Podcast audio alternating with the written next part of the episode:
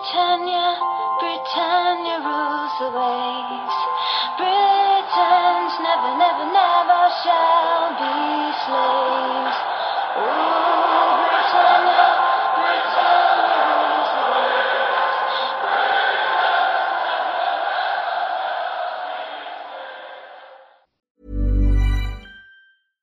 Sandra, and I'm just the professional your small business was looking for. But you didn't hire me because you didn't use LinkedIn jobs. LinkedIn has professionals you can't find anywhere else, including those who aren't actively looking for a new job but might be open to the perfect role, like me. In a given month, over 70% of LinkedIn users don't visit other leading job sites. So if you're not looking on LinkedIn, you'll miss out on great candidates like Sandra. Start hiring professionals like a professional. Post your free job on linkedin.com/people today.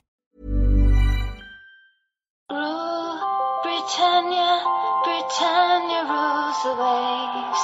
Britons never, never, never shall be slaves. Ooh, Britannia, Britannia rules the waves.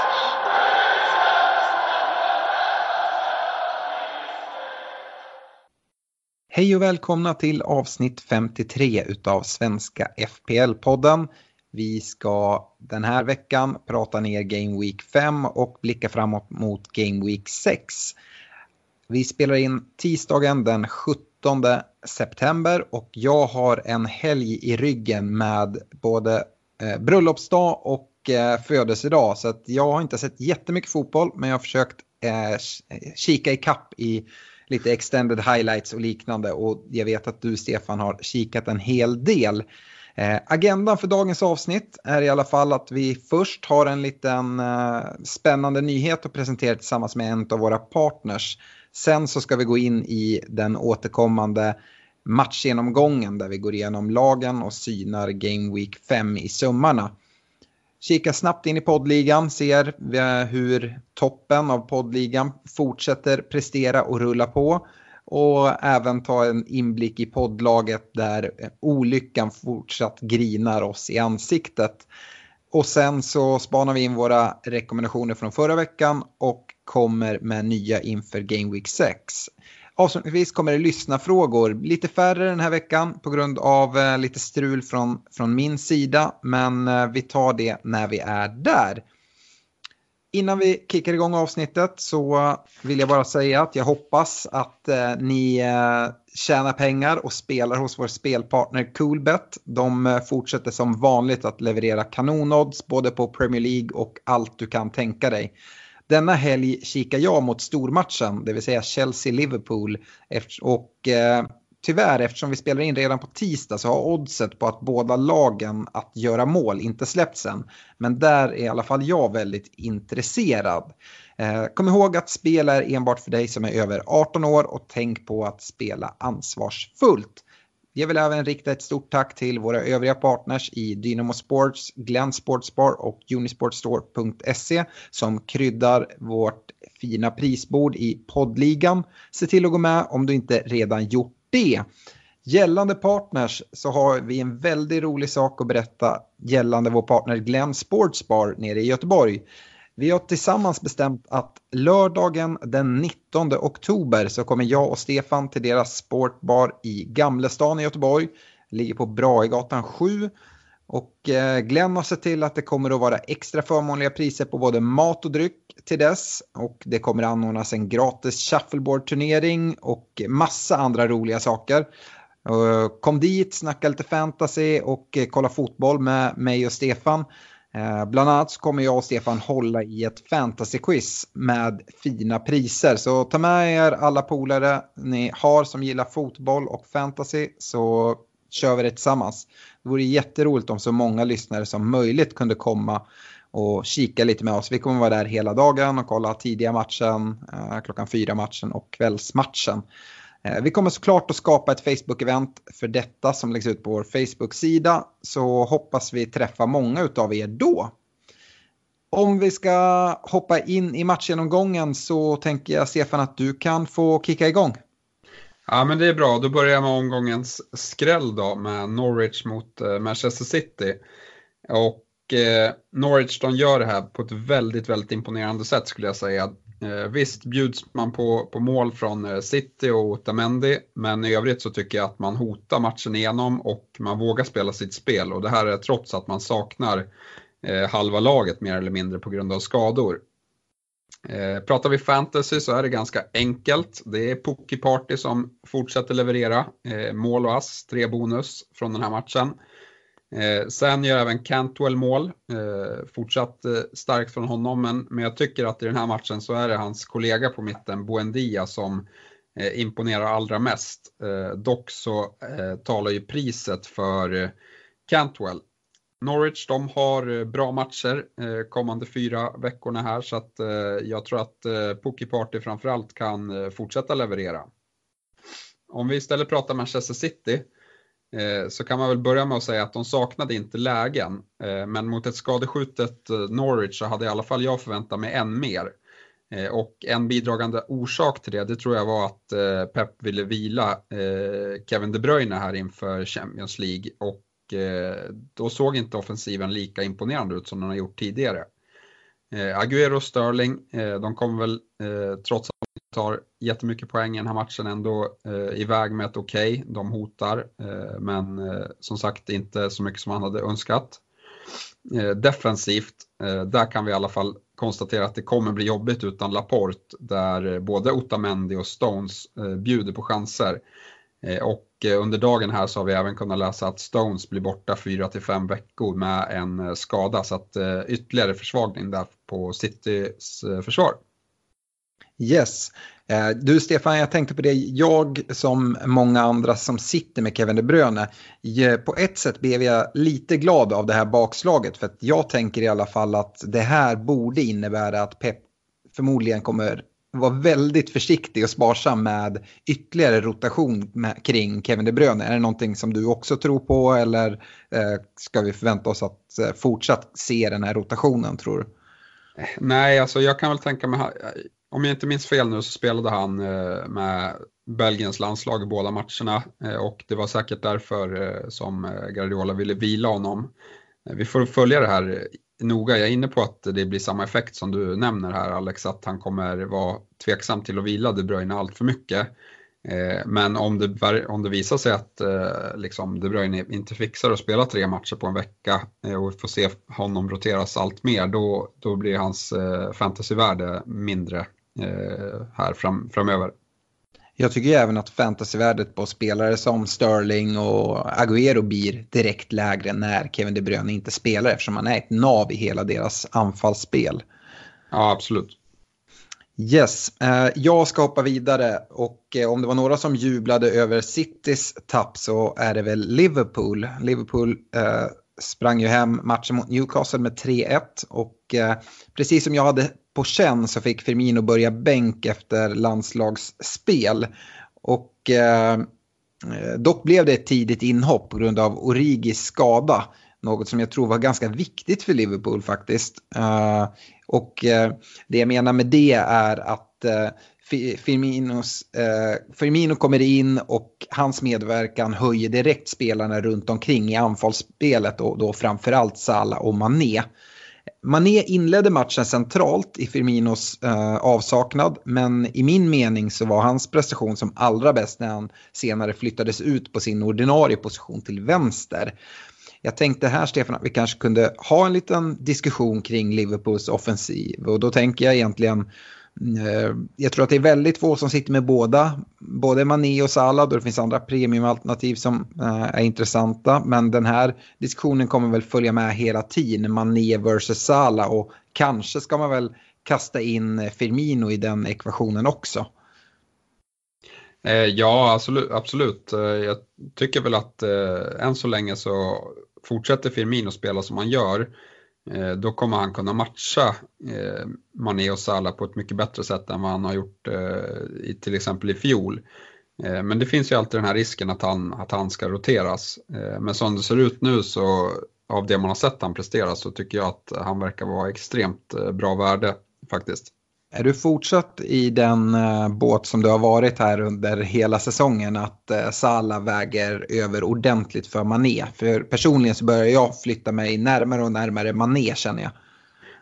Jag, jag litar fortsatt på, på Salah eh, och jag tycker att hans eh, jämnhet är det som eh, liksom väger över och sen att eh, hans facit på, på Anfield är löjligt bra hela, hela tiden han har varit i Liverpool.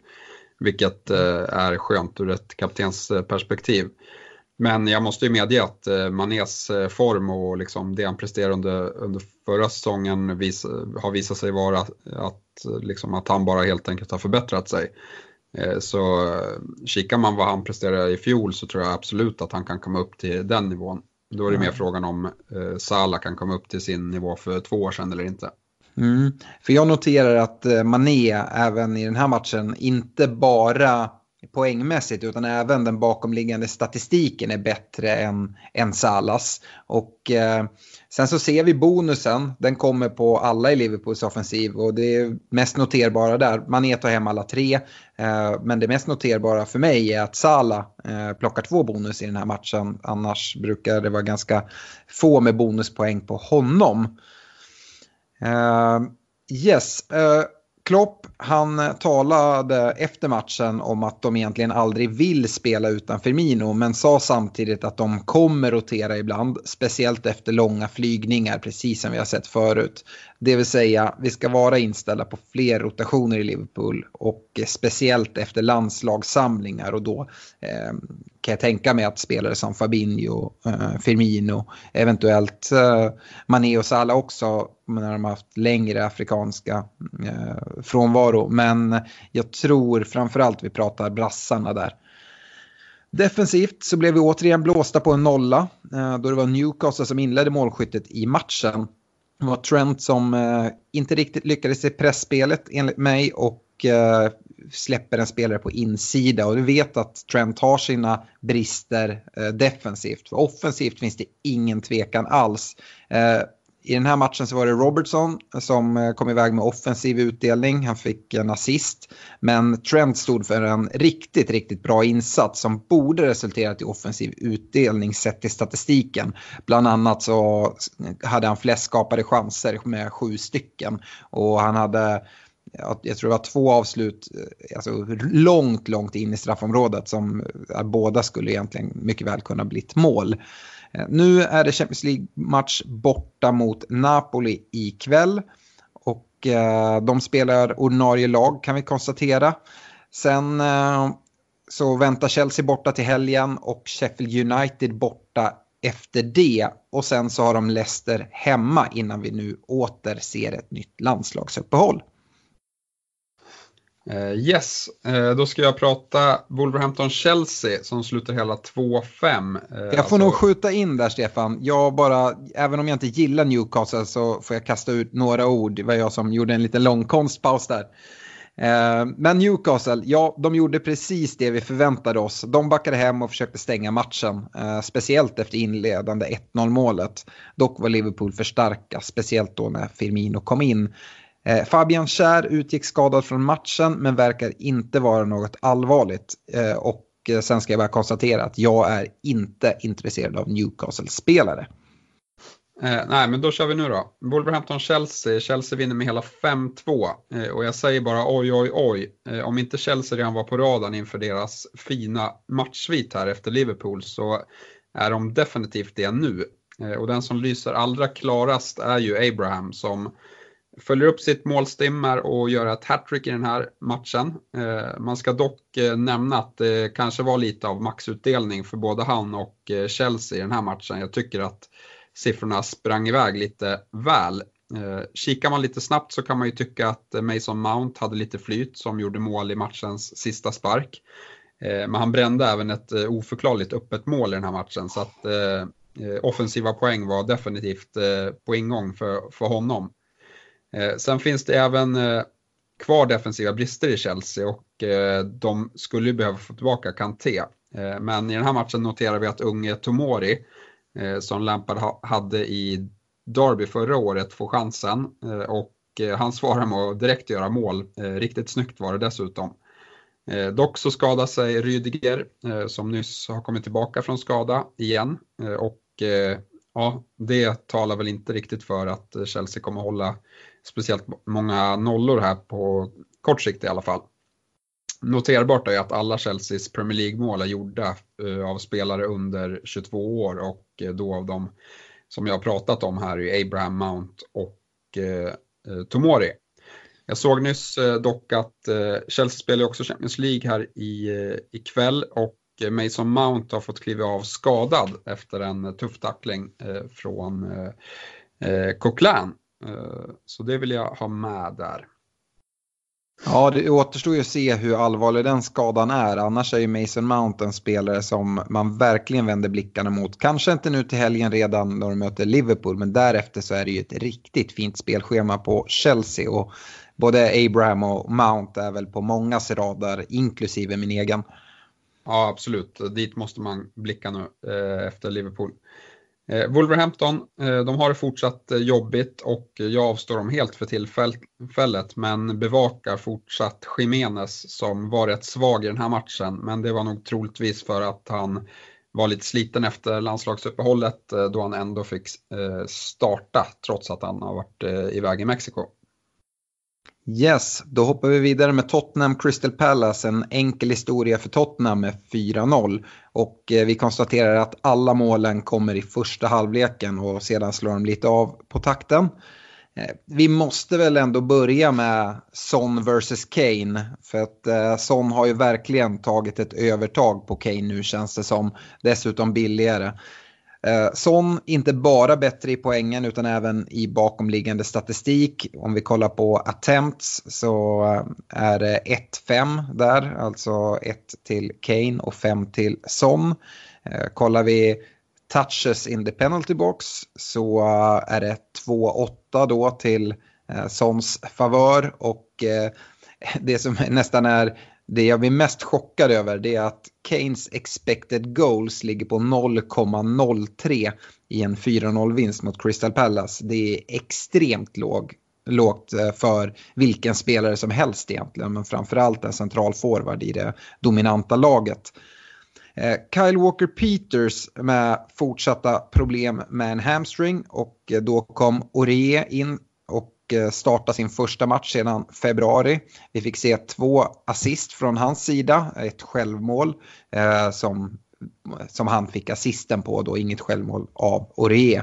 Eh, jag skulle dock säga att man inte bör rusa mot honom i era fantasylag utan kolla hellre mot en prisvärd Fertongen på 5,3 som nu är inne i laget och jag tror att han kommer eh, vara väldigt stabil där. Och anledningen till att jag inte tycker att man ska rusa mot Ore är att eh, jag tror att han och Kyle Walker Peters får dela på ansvaret där som högerback och snart ska vi även kasta in en Foif eh, där eftersom att han spelade en hel del högerback i, under försäsongen. Eh, och en annan spelare utöver Ore som jag vet att eh, vissa eh, fantasykännare skriver kan vara en bra differential och så. Men som jag tycker att man bör vara lite försiktig med och det är Lamela. Trots att han har levererat väldigt bra med poäng hittills så är anledningen till varför jag tycker att man ska hålla sig borta nu konkurrenssituationen.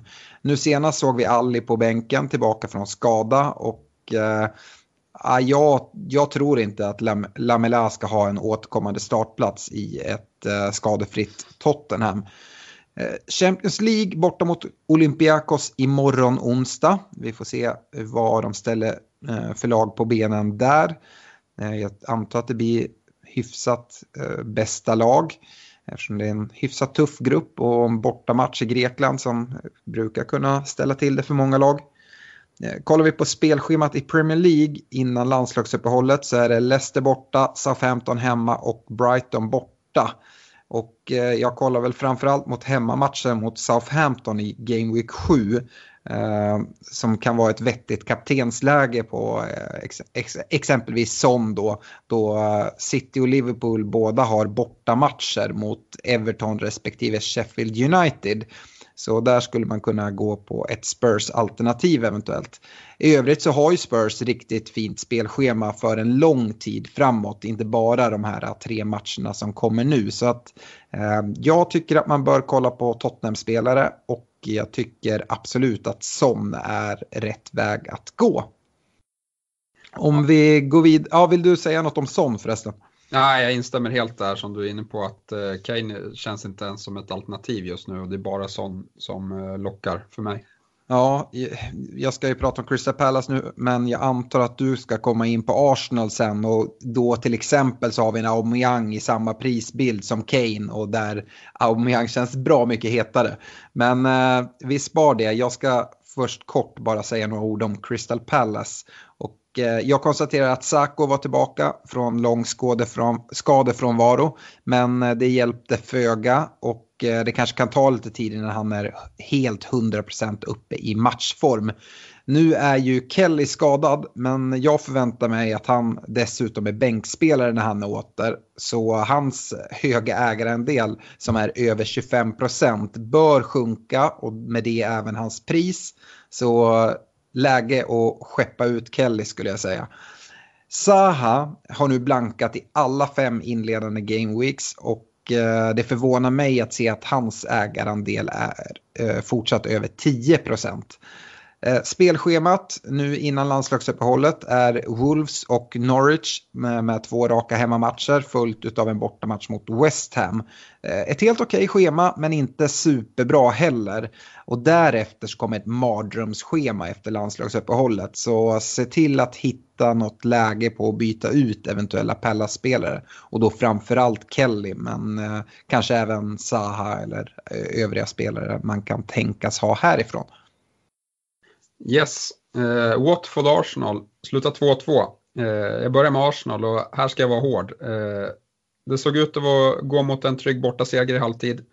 Eh, men sen släpper man in, eller släpper till 23 avslut på, i andra halvlek och det är så sinnessjukt dåligt så att det finns inte.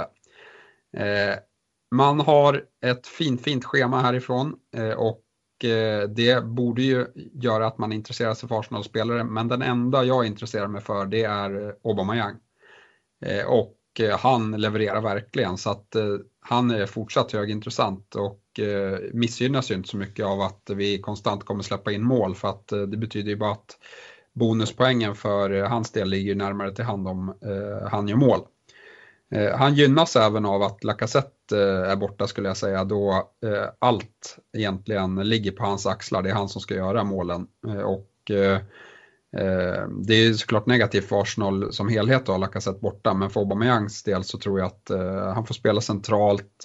Det är mer naturligt för honom och han visade återigen vilken klinisk avslutare han är här mot, mot Watford. Nej, det är väl det man ska säga om, om Arsenal. Watford, eh, de gör det ju riktigt bra även om eh, Arsenal är eh, vilsna i, i den här matchen. Och hade spelschemat varit lite bättre så hade jag rekommenderat Delofio som verkligen vill imponera på Kiki Sanchez Flores med en supermatch här. Nu känner jag dock att man kan sitta och avvakta och se om den här Eh, uppticket så i, i form som ändå Watford visade i andra halvlek eh, kvarstår eller om det bara var eh, på grund av att Arsenal var usla. Ja, jag vill skjuta in där lite kring Aubameyang och eh, komma med min syn på det. Jag tycker ju att, precis som du, att Aubameyang är ett kanonalternativ nu. Och det man ska skjuta in där, vi har kollat mycket kaptensalternativ från City eller Liverpool och inte haft så jättemånga andra. Det är väl kanske Kane och, och Son då, som också har lagt till. Men eh, Aubameyang känns som också en superkandidat till kaptensbindeln här i många matcher eh, framöver. Kanske framförallt på, på hemmaplan. Så att, eh, det finns eh, goda anledningar att rikta blickarna mot, mot honom. Eh, sen så eh, gällande Watford där skulle jag vilja säga med Kiki Sanchez Flores. I alla fall vad vi har sett tidigare så har han eh, Eh, styrt upp defensiven lite medan Gracia har mer eh, varit lite lössläppt där. Så att eventuellt så kanske Watford kommer släppa in lite färre mål än tidigare och det kan vara, vara bra att ha med sig i alla fall. Eh, Manchester United-Leicester tänkte jag gå till och eh, 1-0 till United här och eh, ett skadedrabbat United fixar ändå en seger mot ett dittills obesegrat Leicester efter ytterligare en straff. Och eh, som vi har sagt så många gånger tidigare, United kommer få mycket straffar, vilket talar för att satsa på Rashford i sitt fantasybygge.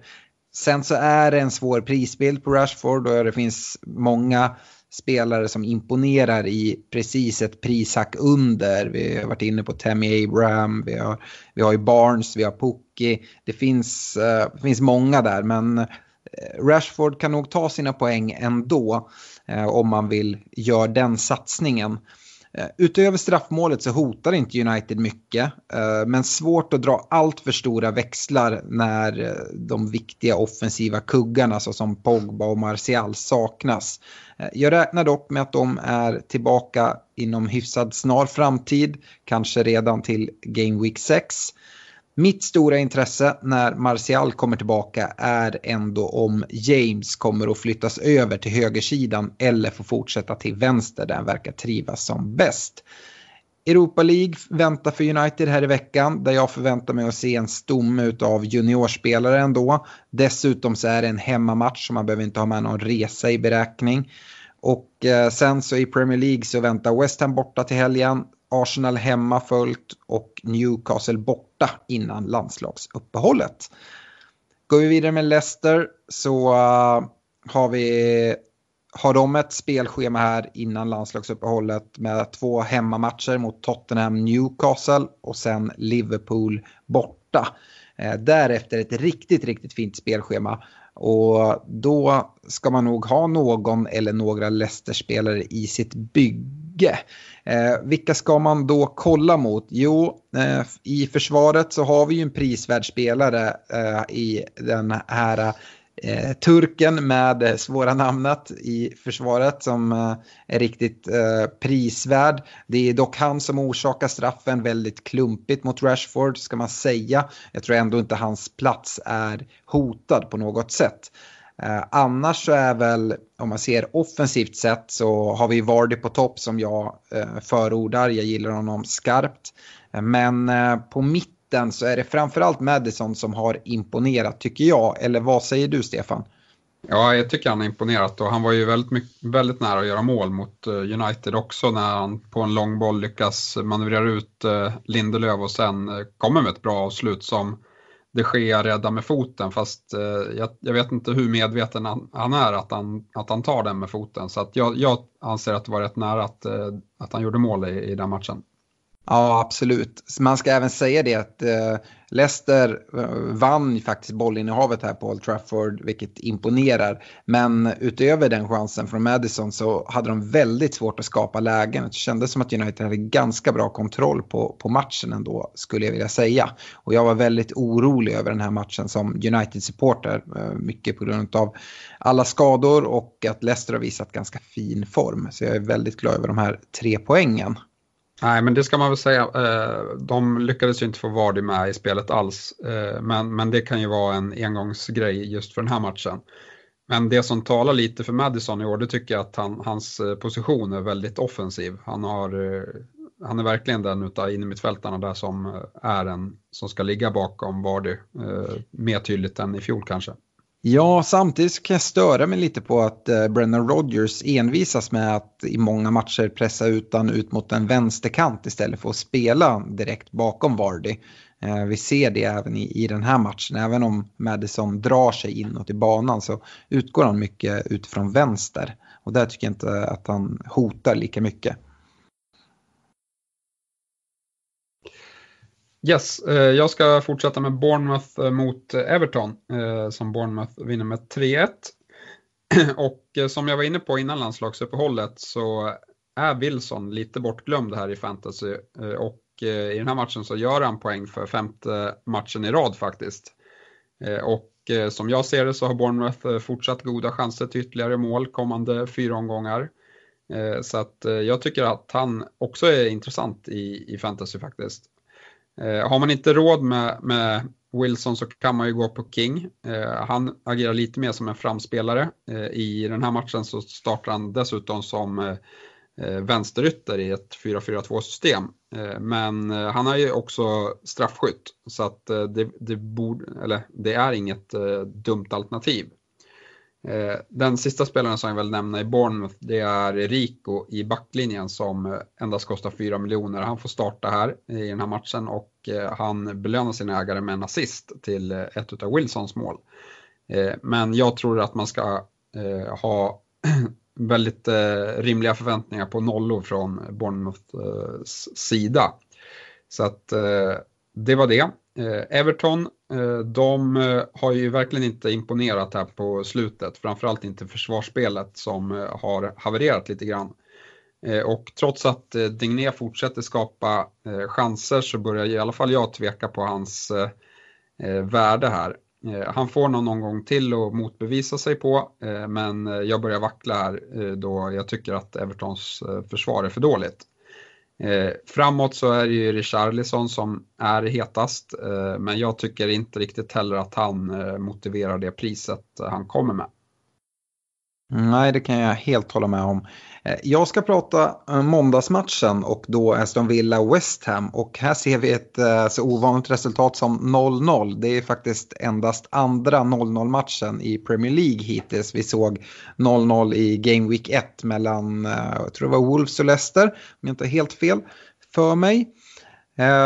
Om vi börjar med Aston Villa de eh, har ett spelschema nu innan landslagsuppehållet. Jag fortsätter tjata om att dela in det i block till landslagsuppehållet. Men eh, det är Arsenal borta som väntar och därefter Burnley hemma, Norwich borta.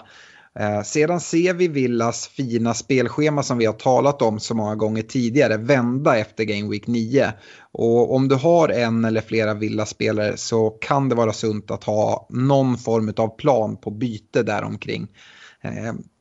Till exempel mitt intresse i McGinn har börjat svalna då jag tycker det finns andra mer prisvärda spelare om man lägger till lite lite pengar i form av Mount nu med en eh, potentiell skada då, vi får se hur illa det, är, det kan vara. Men även eh, James i United får nämna några. Eh, de flesta av McGinns avslut kan man även konstatera så här fem game weeks in är utanför boxen. Och helst av allt vill man se dem så nära mål som möjligt. Med det sagt så är han ändå den spelare jag tycker är mest intressant i detta Aston Villa. Eh, I West Ham då så ser vi Masuako ut efter två gula kort i andra halvlek och eh, han kommer att saknas mot United i nästkommande omgång. Då de eh, tar emot dem hemma på London Stadium. Eh, och eh, sen följer Bournemouth borta och Crystal Palace hemma innan landslagsuppehållet. Eh, och det fina schemat håller i sig därefter också. Så eh, kolla framförallt mot Haller skulle jag säga. Och eller någon av de offensiva mittfältarna då deras defensiv inte lockar alls lika mycket. Om man ändå vill vända sig mot försvarsleden så verkar Diop och och Bonna vara gjutna i sina startplatser i mittlåset. Yes, då har vi kommit till Sheffield United mot Southampton som Southampton vinner med 1-0. Eh, och eh, egentligen så säger jag inte så mycket mer eh, om de här lagen att, att man bör hålla sig borta på grund av dåliga spelscheman. Eh, undantaget stavas väl eh, Lundström som eh, man kan behålla om man äger då det inte finns så mycket alternativ i den prisklassen och han är fortsatt ordinarie. Eh, vill man se ett fint fotbollsmål så kan man eh, kolla in Genepos eh, segermål i den här matchen. Det är en riktigt bra prestation.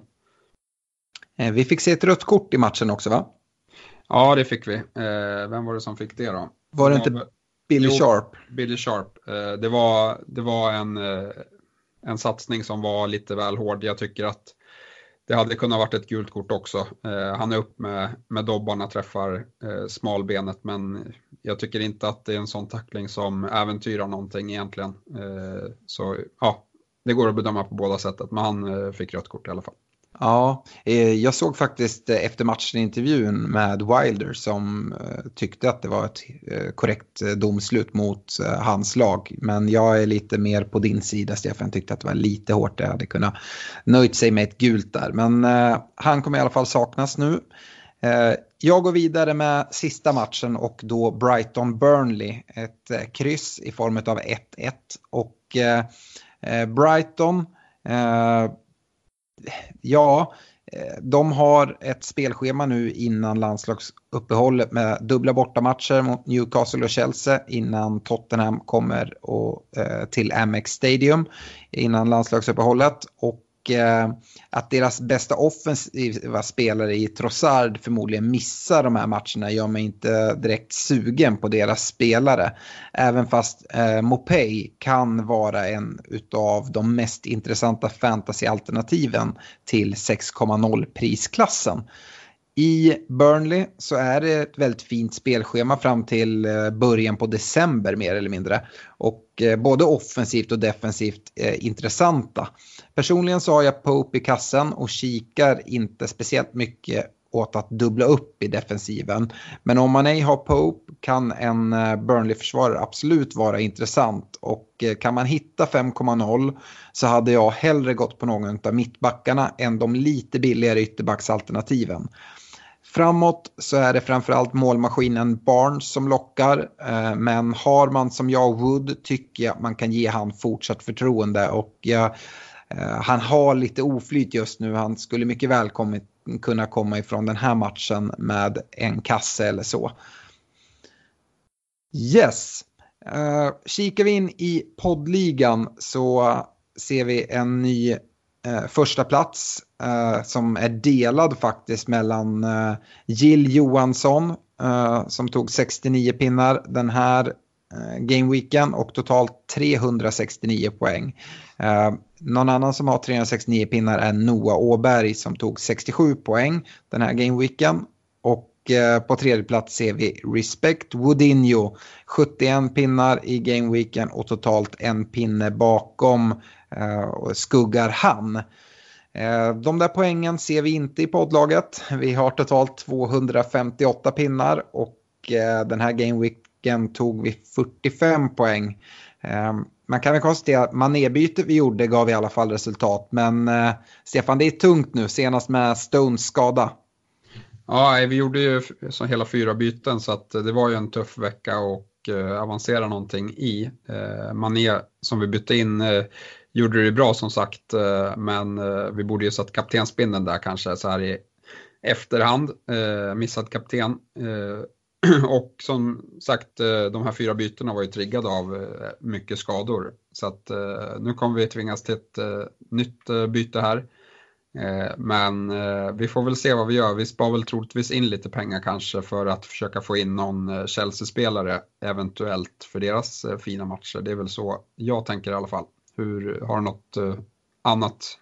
Ja, det enkla bytet som kanske många tänker nu med Stones det är ju att ta in Otamendi till samma pris som Stones. Men det känns verkligen osäkert i Cityförsvaret just nu. Och jag är inte alls sugen att göra det och jag skulle avråda andra från att göra det också. Även fast City säkert kan hålla några nollor så tycker jag att det är lite för mycket frågetecken där. Ehm, Ja, vi har inte alls pratat ihop oss om det här och därför så tycker jag att vi, vi lämnar det där. Ska man nämna en spelare som ligger i ungefär samma prisnivå eh, som, som Stones så kan man ändå hitta Fertongen på 5,3. Stones ligger väl på 5,4. Eh, och med Spurs eh, fina spelschema så borde det kunna komma en del, en del nollor här framöver. Så Fertongen skulle kunna vara ett alternativ om man inte som sagt vill spara in pengar. Men vi kanske kommer till eh, andra försvarare som kan vara intressanta om vi går över till rekommendationerna. Eh, och eh, vi börjar ju med försvarsrekommendationer men om vi kollar på förra veckans rekar så eh, ah, det blev ingen jackpot där. Min rek på Digné gav noll pinnar och eh, Stefan, din rek på Trent gav två, men med mer smak. Ja, jag fortsätter älska Trent. Eh, jag tror på honom, absolut. Eh, tycker han sticker ut statistiskt sett och Liverpool måste ju kunna hålla nollor. Så är det. Så jag förväntar mig både offensiva och defensiva poäng där. Till den här mm. veckan så är det du som väljer först då Alex? Ja, jag tänkte det. Och jag tänkte väl bara göra det enkelt och nämna Fertongen då till hans pris på 5,3. Eh, jag tycker att priset är eh, rätt tacksamt och eh, Spurs schema ser väldigt bra ut. Ja, jag kan instämma. Jag tycker att det är extremt svårt här att hitta någon som är just värd att ta in i backlinjen. Eh, så ja, Fertongen är absolut ett alternativ. Eh, en av alternativen jag hade skrivit ner var Stones, men han är ju skadad nu. Eh, så därför faller det på Lowton i, i Burnley för 4,5. Eh, och det är lite brist på annat, men de har eh, fint spelschema. Eh, de är ta hyfsat tajta bakåt eh, och han kostar 4,5. Så att därav honom. Sen kan vi väl nästan säga det att det är en stående rek på Trent egentligen annars. Ja, alltså nu, jag har ju upprepat han två gånger i rad här så att, eh, jag vill inte göra en hattrick i, i rekommendationer. Men den kvarstår kan vi lugnt säga från både dig och mig. Ja. Eh, det är ju den försvarare som sticker ut. Eh, går vi över till mittfältet så hade vi lite bättre rekar där. Eh, framförallt du som rekade Son 16 pinnar och total jackpot. Jag rekade Sala och han tog 9 poäng med sina bonus som han, som han fick. Ja, Ison var ju eh, extremt nära att, att sätta sitt första hattrick i matchen eh, då han lobbade en boll i, i sidnätet också. Nej, han ser fin ut tycker jag och eh, Tottenham, eh, det är ju det alternativet i Tottenham som jag ty tycker känns allra bäst eh, som vi var inne på där han glänser mycket mer än Kane och eh, jag vet inte vad Kane håller på med men inte håller han till i straffområdet för tillfället utan de andra springer åttor runt honom och han är bra på att vara en bollmottagare ungefär. Ja, eh, jag håller med där. Eh, kollar man på rek den här veckan, får inte upprepa. Jag tycker ju Son är jätte, jättefin. Men eh, om vi inte ska nämna någon av Son eller Sala så skulle jag ändå vilja säga Kevin De Bruyne. Och eh, jag, eh, jag tror som sagt att eh, Pep lite har blivit varnad från att inte vila karn. Han är navet i allt i Citys offensiv och eh, kan inte bara bidra med poäng via sin fina fot med assist utan han kommer hota med, med flera mål också. Så Kevin De Bruyne är mitt, mitt val. Ja, kul. Han hade jag skrivit ner också. Då får jag upprepa mig istället för att eh, den som jag tycker ser bra ut här det är ju sån. Eh, och eh, då får jag helt enkelt upprepa min rek från förra veckan. Ja, äh, men båda de är jätteintressanta. Sen har man ett problem där på mittfältet att eh, få in alla premiumalternativ. Man vill kanske ha, eller man vill förmodligen ha en Liverpool-mittfältare om det är Salah eller Mané, eh, kanske en smakfråga eller en pengafråga. Eh, jag har valt att dubbla upp precis som många i Citys eh, mittfält med Kevin De Bruyne och Sterling. Eh, Son vill man ha. Eh, men det börjar bli väldigt mycket, mycket budget där. Då vill man hitta de här prisvärda. Så kollar man på Mount, nu går han och skadar sig. Ja, det är ganska svårt att få ihop det här, speciellt om man vill eh, trycka in exempelvis Aubameyang som vi har nämnt på topp. Men vi går vidare till forwardsrekarna och eh, Ja, eh, de var ungefär lika bra som våra försvarsrekar, Stefan. Jag rekade Haller och du Barnes och eh, det blev ju inga poäng från någon av dem. Eh, nej, jag har inte sett så mycket från Burnley men jag tyckte väl att om man kollar på statistiken så gjorde inte Barnes någon, någon jättematch. Då var jag lite mer imponerad av Haller även om han också gick poänglös så tycker jag att han fortsatt visar bra tendenser och kommer både göra mål och assist. Ja, jag håller med där och om man ska prata Burnley så har jag sett lite mer från den matchen och eh, faktiskt så tycker jag att Wood är närmare mål än vad Barnes är för en gångs skull. Men eh, där kommer inte heller målen.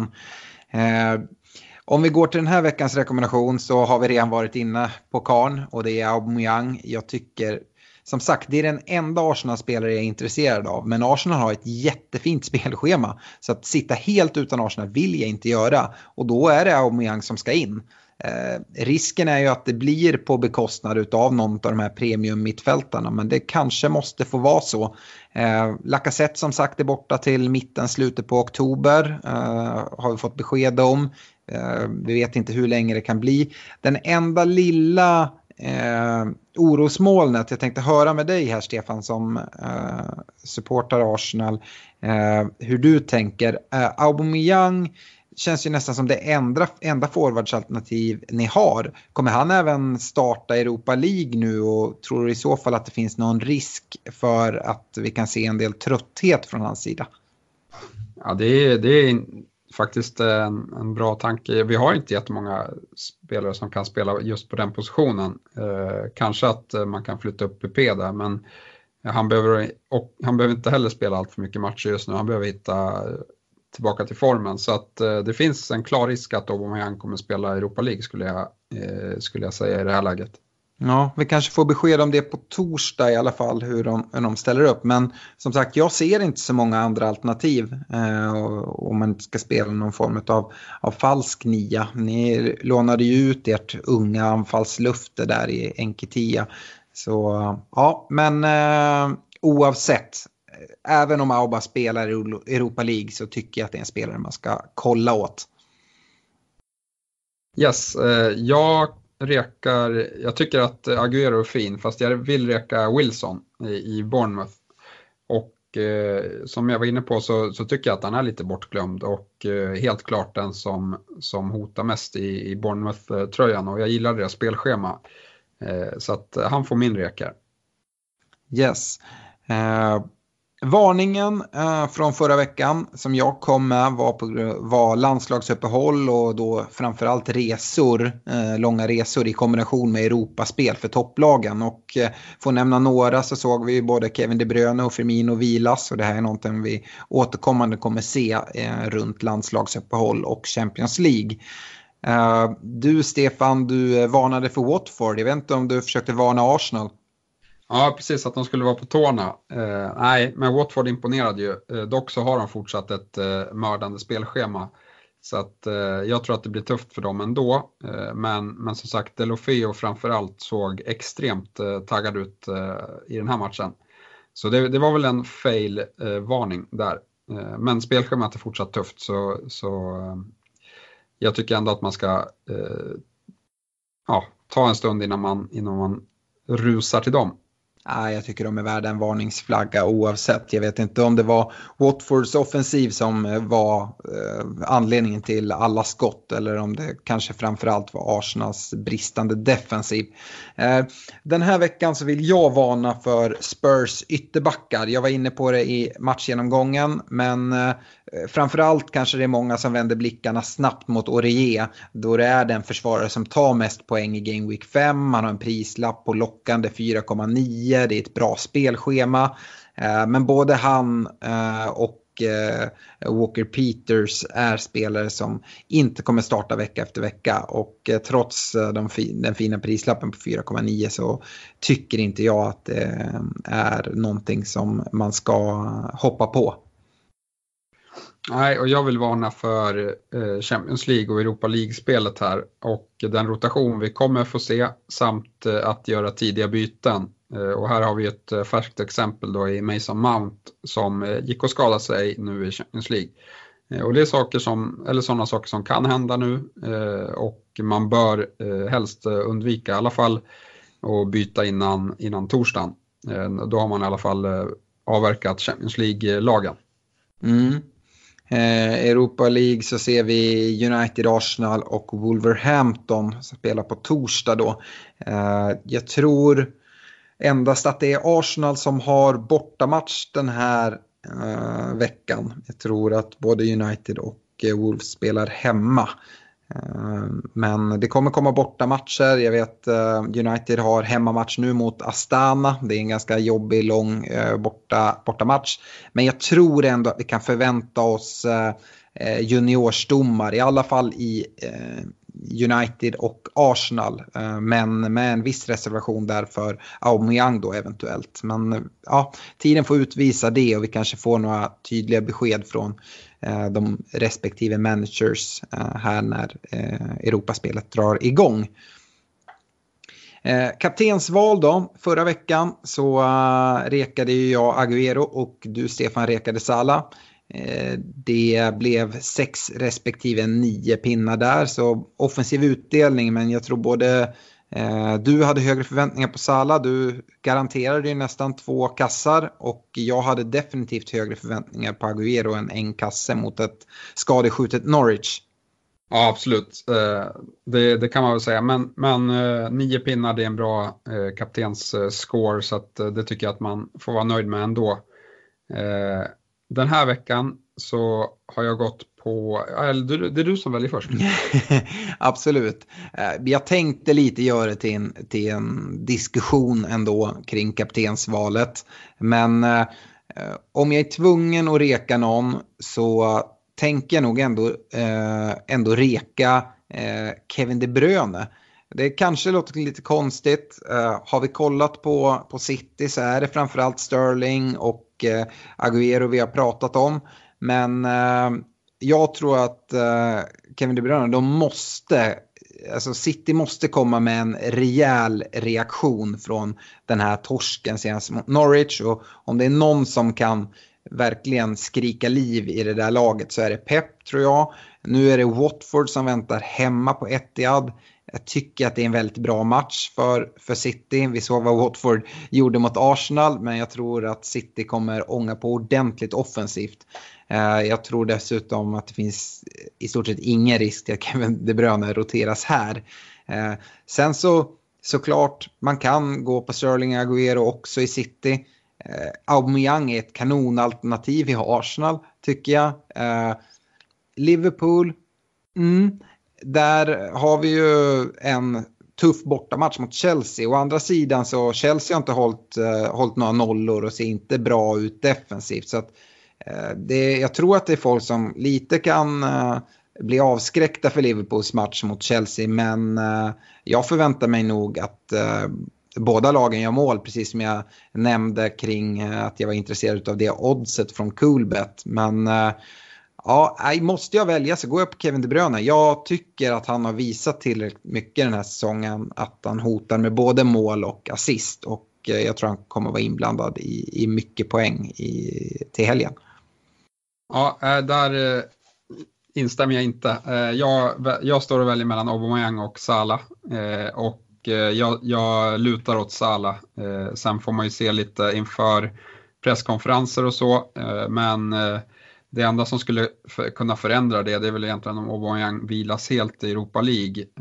Jag tror att Liverpool kommer vinna mot Chelsea. Och jag tror dessutom att om Salah får möta Alonso, då kommer det eh, som, som har spelat vänsterback nu de senaste omgångarna när Emerson har varit borta.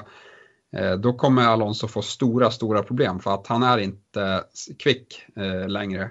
Utan eh, där, där kan det verkligen eh, bli åka av, tror jag. Sam, att, samtidigt kan vi väl nästan förvänta oss att Lampard ställer upp en, eh, en trebackslinje och då kommer det ju inte Alonsos defensiv utsättas för Salla utan det kommer ju vara den vänsterbacken i det tremannaförsvaret förmodligen.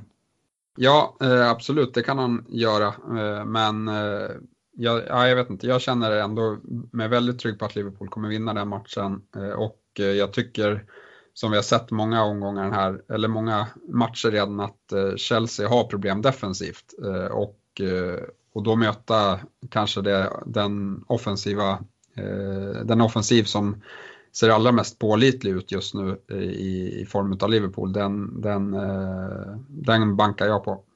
Ja, du brukar vara väldigt mycket för att spela kaptener på hemmaplan. Uh, tycker du att City är helt ointressanta mot det otroligt tuffa motståndet i Watford hemma på Etihad? Nej, det som oroar mig är att det är tre dagar eh, efter deras eh, Champions League-match. och det är väl det som, som jag inte gillar. och framförallt då med, med Pep som sagt. Men det, de, troligtvis så kommer de ju ut och ska göra en en reaktion. Men de har bortamatch mot eh, Shakhtar Donetsk som är en rätt, eh, det är en rätt lång bortamatch och sen ska de spela på lördagen klockan, klockan fyra redan mot Watford. Så det oroar jag mig för. Mm. City. Ja, jag, jag köper det absolut. Uh, Shakhtar är, det är en lång bortamatch, det är det. Samtidigt så om jag inte helt för mig så spelar Shakhtar sina matcher fortsatt i Kiev eh, på grund av eh, vad som händer i, eh, i Ukraina och med eh, konflikten med, med Ryssland. Och det gör i alla fall att matchen inte är lika långt bort eftersom den då spelas i Kiev. Jag kan ha fel här men jag tror i alla fall att det, det är så. Um, och det är väl lite plus i alla fall. De sparar väl någon, någon timme i alla fall i, i Eh, men eh, absolut, jag, som, som jag nämnde i, i diskussionen så tycker jag att, eh, att, eh, att Liverpool kan förbises av, av många managers på grund av att det är en toppmatch. Men som sagt, eh, Chelseas defensiv har ju inte imponerat. Att vi dessutom ser Rydiger gå sönder och, och vara borta, det, ja, det skadar ingenting för, för Liverpool. Jag vet eh, inte heller om vi kan förvänta oss eh, att Kanté ska vara tillbaka eh, tills dess heller. Vet du något mer om det Stefan? Nej, inte hört. Varken Emerson eller Kanté har jag hört något. Men, men Chelsea skulle verkligen behöva båda dem tillbaka till den här matchen tror jag om de ska kunna täppa till lite grann i alla fall. Mm. Nu kommer det väl bli en trebackslinje som du säger och då blir det ju Christensen, Zuma och unge Tomori som får ett eh, mycket större prov i den här matchen än vad han fick mot uh, Wolves. Mm.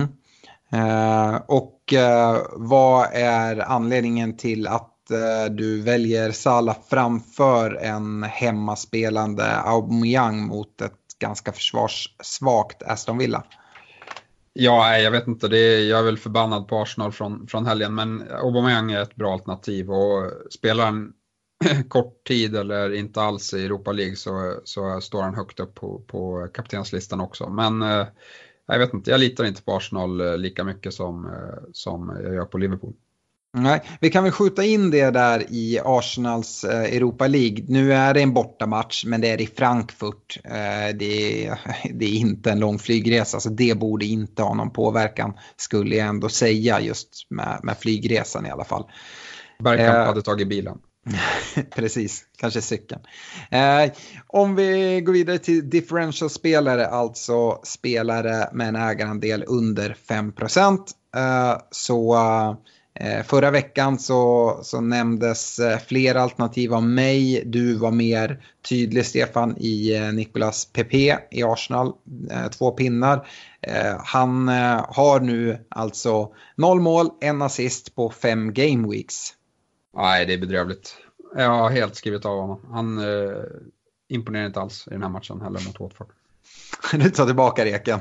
ja, ja den, är, den är klass. Nej, det är, klart, det är klart att han kan göra det bra nu här mot, eh, mot Aston Villa. Eh, det kan han absolut. Men, men som sagt, eh, eh jag stod och vägde mellan Son och PP för några, någon vecka sedan här i fantasy. Som tur var så bytte jag in Son och inte PP, vilket jag, jag är väldigt glad för. Jag tänkte säga det, det är extremt svårt att motivera att välja PP för eh, spelare i samma priskategori som Kevin De Bruyne eller Son som han konkurrerar mot. Eh, så det är väl framförallt det. Han kommer säkert få både assist och mål nu med de här finare matcherna som kommer. Men det är svårt att se att han ska trumfa eh, Son eller De Bruyne i alla fall. Eh, Eh, den här veckan så sjukt nog så är Son fortfarande en differential-spelare med en ägare under 5% Jag tror inte att det kommer vara så länge till men just nu är han det och då ska han in här. Ja, jag tror att du har kollat fel för jag hade han på 5,1 procent. Men... Eh... Ja, jag, jag kollade det här igår då. Ah, så okay. att den har tickat över. Ja, han har nog gjort det nu. Men, men det är som sagt det är alldeles för lågt för, för Son ändå. Eh, jag hade lite svårare att hitta differential tycker jag. Eh, men jag har gått för en eh, Norwich-spelare i form av Buendia som har blivit bortglömd på grund av Cantwells prestationer skulle jag säga. Men kom, kommer nu iväg mot från City-matchen med två assist och han har även lägen själv så att jag tror att han inte bara kommer göra assist utan han kan nog också få in någon balja här kommande matcher så att han tror jag kan göra det bra. Ja, det är en spelare som imponerat stort på mig. En riktig budgetvärvning av Norwich inför den här säsongen. Jag tror han kom från spanska Granada för ganska små pengar relativt sett. Och, jag tror de betalar 1,5 eh, miljoner pund eller något för honom. Ja, det är som sagt budgetpengar. Eh, men eh, samtidigt så jag har jättesvårt att kolla mot en sån spelare rent prispunktsmässigt sett till att Cantwell finns där till en betydligt lägre peng. Även om jag tycker Buendia ser fin ut och, och tar poäng så eh, har jag svårt att motivera och gå upp därifrån. Eh, från, från Cantwell till, till honom. Eh, vi ser en fredagsmatch den här veckan, så deadline är redan 20.00 fredag. Southampton-Bournemouth eh, sparkar igång med ett sydkustderby. Eh, så se till att göra alla byten innan dess. Eh, med det så hoppar vi in i lyssnarfrågorna och jag nämnde det lite i agendan. Jag gjorde en miss där, den får jag ta på mig. Eh, jag skrev ut den som vanligt på vår Facebook-sida trodde jag att skicka in era lyssnarfrågor. Men här innan vi skulle dra igång så såg jag att det är inte många som har skrivit. Men det är för att jag har gjort inlägget på min privata Facebook-sida. Eh, så jag har fått in två, eh, två personer som har ställt frågor och det är personer som jag känner eh, som spelar fantasy. Men jag tänkte vi ändå tar upp dem. Sen vet jag att vi har fått in en del frågor på Twitter där du har varit lite bättre Stefan och ställt frågan i rätt kanal. Eh, men vi kan väl börja med vår gode vän John Söderbergs eh, frågor. Jag tycker att han har några intressanta. Han nämner bland annat, eh, kan ni ta upp de spelare som tidigare säsonger har presterat men nu är helt under isen? Typ Dele Alli, Özil, William, Zaha etc. Och vilka av dessa som kan tänkas ta fart framöver? Ja, det enkla svaret är inga skulle jag säga. Nej, men Zaha är väl den som jag kanske skulle känna skulle kunna leverera någonting. Du nämnde att de hade två eh, hyfsade hemmamatcher här eh, på kort sikt, men på lång sikt så är jag absolut inte intresserad av att äga honom.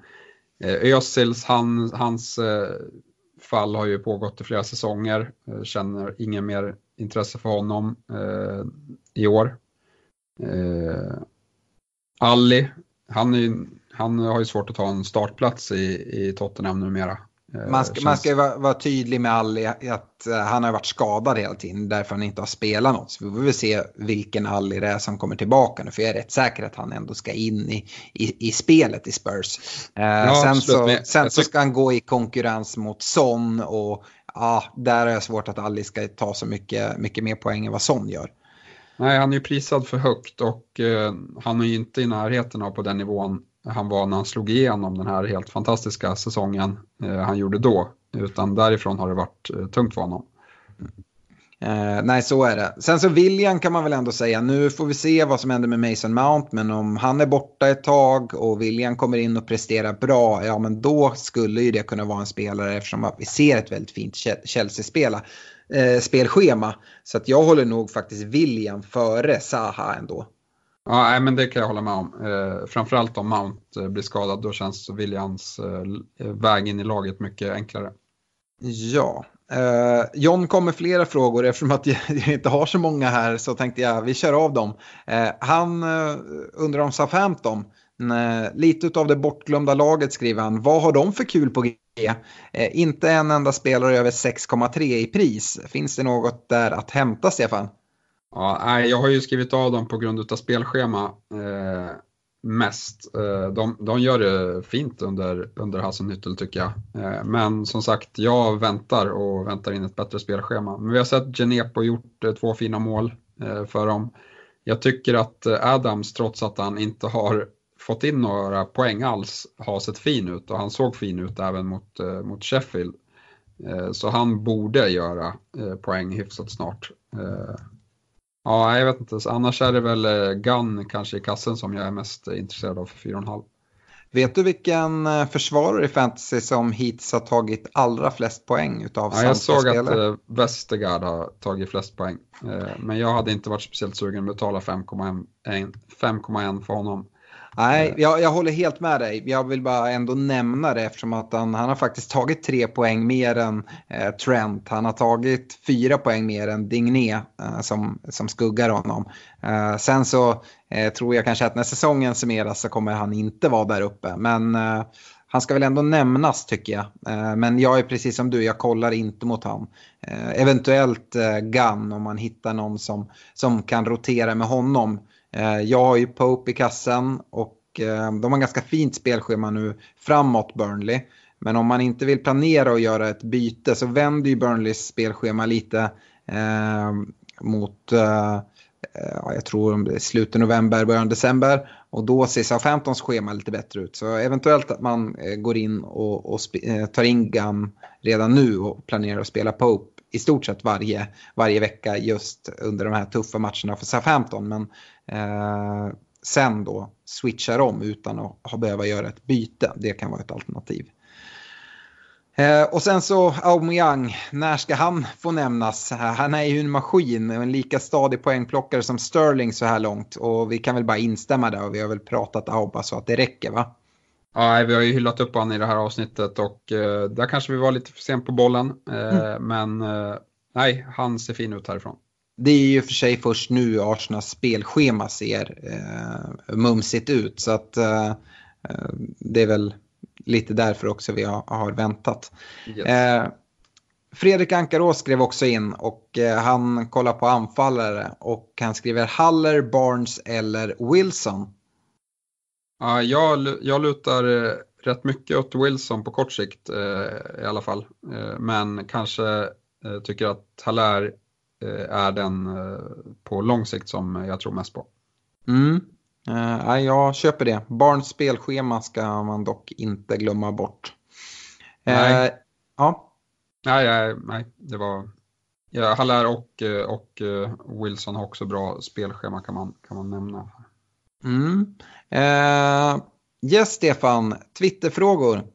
Jajamensan, vi har fått in eh, några stycken härifrån. En från PT Allan. Eh, han frågar om man ska hoppa på Norwich-tåget eh, och eh, om det finns några utöver Cantwell och Pookie som är intressanta.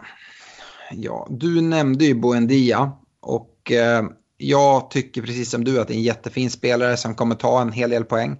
Jag tror i och för sig att Cantwell kommer ta ungefär lika mycket poäng och eh, var man på Cantwell-tåget tidigt så kostade han 4,5. Nu har han gått upp till 4,9 men Boendia är fortsatt mer än eh, 1,0 dyrare. Så eh, jag, jag tycker inte Buendia är ett alternativ. Kommer vi upp i 6,0 dessutom då är vi väldigt nära eh, Mason Mount och, och James i, i, i United. Eh, och de defensiva leden i Norwich är helt ointresserade av. Så att eh, nej, för mig är det Pookie och Cantwell som, som gäller. Yes, jag instämmer. Björn Jönsson, känns som det kommer bli en stående fråga från mig. När är det okej okay att ge upp? Ligger stabilt runt 3000, eller 3 600 plats sedan starten. Ja, eh, mitt svar är ju att aldrig ge upp. Eh, har man spelat en längre tid så vill man hålla ett bra, en bra statistik eh, eh år efter år. Att man Eh, man får göra det bästa av situationen. Dessutom, eh, jag är en av de spelare som har haft en riktigt tung start. Det, eh, poddlaget har haft en ganska tung start. Men börjar man kolla ligorna, eh, ja, kollar man de här jättestora ligorna som bland annat vår poddliga är så, så ligger man väldigt långt ner och man kanske inte kommer vinna ligorna. Men så fruktansvärt långt efter ligger man inte. Och om man inte har stressat för mycket och dragit eh, alla sina chips nu så eh, är man bara ihärdig, fortsätter följa med, lyssna på podden, eh, inte missa eh, deadlines, göra eh, strukturerade byten och fortsätter hela vägen in i mål så kommer man käka ikapp många av de som ligger före som börjar slappna av och det kommer vara folk som lägger av och då kan man gå förbi de här ghost chipsen. Så att, eh, jag tycker man ska har man fått en tuff start, ja men då får man eh, kämpa, kämpa ikapp det. Det finns väldigt mycket positioner att ta. Jag vet inte om du håller med mig där Stefan? Jo absolut, kanske kan sätta ett alarm så kanske på fredagskvällen att nu ska jag in och kika här vad, vad, man ska göra. Då gör man i alla fall klokare val ofta när man byter senare. Mm. Och sen så, som sagt, min rekommendation alltid för att inte missa deadlines och sånt, det är att så fort eh, en game week har dragit igång, gå in i ditt fantasylag, sätt i ordning det inför nästa game week. Eh, skulle det vara så sen att du helt missar att eh, gå in och kolla ditt lag inför eh, kommande eh, deadline, då har du i alla fall satt i ordning din bänk, valt kapten inför nästa omgång så att det inte bara ser ut som, som det gjorde förra veckan per automatik. Yes. Eh, Anton Norén han eh, undrar hur Callum Wilson kan ha gått ner i pris när hans poängskörd är 5-5, 5-5, 13. Ja, det är, det är helt sanslöst. Ja. Eh, jag, jag tror väl egentligen att anledningen till att det har gått ner är att det har funnits billigare spelare som har presterat väldigt bra. Eh, vi har eh, Tammy Abraham, vi har Barnes, vi har Pookie. Och då har man helt enkelt gjort så att man har tagit ut Callum Wilson även fast han har presterat. Men man känner att man måste hoppa på de här tågen för att de inte ska stiga för mycket i värde eller att man kanske kan hänga på i, något, i någon värdeökning. Alternativt kan det vara att man då har bytt ut Callum Wilson för att ta in någon av de här billigare spelarna för att frigöra pengar. Framförallt kanske till ett mittfält där det har krävts, eller det har varit många premiumspelare som har levererat väldigt bra. Så det är väl mina gissningar. Men eh, för oss som inte har haft Callum Wilson så tycker jag bara att det är positivt och att man nu kan ta in honom lite billigare. Eh, har du någon annan teori? Eh, nej, egentligen inte. Eh, han, har, han har ju som sagt eh, blivit översedd på grund av att det har funnits så extremt många andra som har presterat. Mm. Eh, Andreas Albacka, är det dags att satsa på en trebackslinje, typ 3-5-2 nu när det är så skral utdelning hos backar? Och vilka tre, tre bör man då satsa på? Ja, det är väl inte alls dumt att ha en trebackslinje. Man ska ju definitivt inte ha en fembackslinje. Uh, skulle jag säga. Fyrbackslinje är också tveksamt. Eh, kan funka eh, eventuellt i vissa omgångar och sådär. Men eh, ska vi nämna tre försvarare? Ja, men jag vet att du Stefan är en jättestor försvarare av Trent och jag förstår det. hans, om ni inte har lyssnat på förra veckans avsnitt där vi gör en rejäl statistikgenomgång så kan man se eh, Eh, gör det då, för där ser man att Trent han sticker ut ordentligt och om man ska fylla på med den här veckans statistik så eh, ser den knappast sämre ut. Han, eh, han sticker verkligen ut utav alla försvarare, men inte bara försvarare utan han sticker ut ordentligt. Eh, ska man ha andra spelare Ja, alltså Digné är en annan premiumspelare som ändå kan vara intressant. Men precis som du var inne på så är det en spelare som jag Mm. tycker måste upp ett snäpp för att lite rättfärdiga sitt, sitt pris på 6,1. Uh, eh, jag är inte helt säker på att jag hade tagit in honom just nu om jag inte hade haft honom. Uh, däremot en prisvärd spelare finns ju i Suyunshu uh, eh, i Leicester. 4,5 och kanske då framförallt här nu till när deras spelschema vänder. Nu är det Tottenham i den här matchen. Sen Liverpool i Game Week 8. Men däremellan har vi Newcastle och sen så är det väldigt fint spelschema. Där tycker jag det finns väldigt mycket prisvärt och jag tror att man ska gå på en ganska billig backlinje. Är vad jag tror just nu. Eh, för att det finns så extremt mycket eh, premiumspelare, framförallt på mittfältet som levererar. Eh, tredje försvarare. Jag tycker det är riktigt svårt med försvarare, men kanske Fertongen då, 5,3. Yes. Eh, Thomas Källqvist, är det värt att släppa Mané, Kevin De Bruyne eller Sterling för att få in Son? Oh, jag sitter ju med, med liknande funderingar. Eh, för mig väger jag framförallt eh, Mané Eh, jag är inte beredd att släppa City-offensiven. Jag vet inte varför jag är beredd att släppa Liverpool-offensiven egentligen. För att eh, den är minst lika imponerande. Eh, och det som talar för Liverpool och City eh, täckning på offensiven är eh, kaptensvärde. Får man in Aubameyang på topp däremot och har antingen eh, liksom, och går utan någon, den ena eller den andra så, eh, så skulle det kunna funka. Eh, vill man sprida sina risker skulle man ju då kunna välja att endast välja en City-spelare i Kevin De Bruyne eller Sterling. Eh, jag har inget jättebra eh, svar på den här frågan. Eh, jag har inte alls bestämt mig själv. Men alltså, jag tycker De Bruynes värde lockar alldeles för mycket för att, för att skippa honom. I alla fall. Jag tror att Kevin De Bruyne är faktiskt är den som är mest fast i mitt lag utav de spelarna. Hur, hur tänker du Stefan? Jag tycker att det är, det är svårt. Eh, vi har ju varit inne både privat, eller i alla fall jag privat och poddlaget utan Liverpools offensiv. Och men jag vet inte, det känns som, vi har ju absolut inte hittat formen i år eh, till skillnad från, från i fjol. Så att, eh, nej, det, det, är jättesvårt och man kan inte äga alla de här eh, dyra spelarna. Det gäller att äga dem när de, när de tar poäng och det är, det är svårt som det är. Liksom. Eh, men, men sån ser fin ut. Jag vet dock inte om jag litar på Tottenham lika mycket som de övriga lagen. Så jag vet inte om han är ett måste även fast han imponerar. Nej, hans ägarandel lockar för att sticka ut lite om man vill ta ikapp. Ja, absolut. Eh, men, men tro mig, jag hade sån, jag tappar ändå eh, poäng den här veckan. Eller overall. Ja. Så att, du skulle ja. ha satt binden där, då tror jag ja, inte du hade tappat. Nej, det hade varit rätt beslut. Mm. Eh, nej, det är svårt och det här eh, det besvarar egentligen Robins fråga också. På, han, har, han har samma situation fast med Salah istället för Mané eh, och funderar på att släppa honom på grund av tufft spelschema. Det lockar jättemycket för man ser vad man kan göra med pengarna. Att, om jag, jag går utan Mané och Salah och tar in en 9,5 istället i, i Son. Eh, men det kommer, det kommer göra ont varje helg Eh, och problemet som jag skrev till dig när jag själv satt och, och, och filade på det här. Det är att eh, vi kommer se ganska tungt eh, kaptensval eh, i, i Liverpool vecka efter vecka i Mané och Salah. Och så fort vi ser en alltså, tvåsiffrig score från någon av de här så kommer man tappa inte bara de liksom, 12 poäng som de tar utan det dubbla eftersom att det är väldigt många som kommer sitta med kaptensval där. Och då gäller det att de andra kaptensvalen i premiumspelarna som, som du väljer levererar riktigt bra då annars så kommer du sjunka till botten.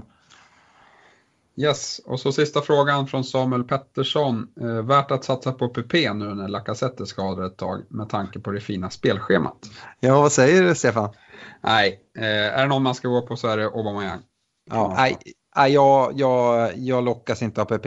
Eh, han kommer säkert ta en hel del poäng, men ska man ställa honom mot spelare i samma prisbild som, som Son och eh, eh De Bruyne så är det solklart för mig. Så att, eh, nej PP, du får nog först eh, visa eh, ordentligt i poängen att eh, du kan konkurrera med de här rutinerade Premier League-rävarna i De Bruyne och Son innan man ska blicka mot dig.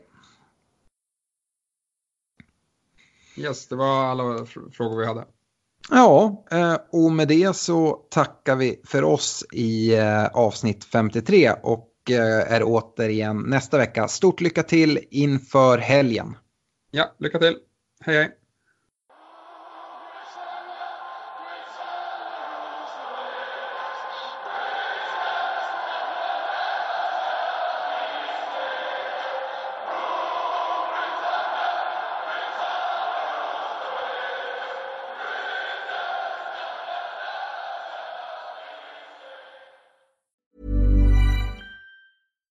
Deserves the best, and there's no better place to shop for Mother's Day than Whole Foods Market. They're your destination for unbeatable savings, from premium gifts to show-stopping flowers and irresistible desserts. Start by saving 33% with Prime on all body care and candles. Then get a 15-stem bunch of tulips for just $9.99 each with Prime. Round out Mom's menu with festive rosé, irresistible berry chantilly cake, and more special treats. Come celebrate Mother's Day at Whole Foods Market.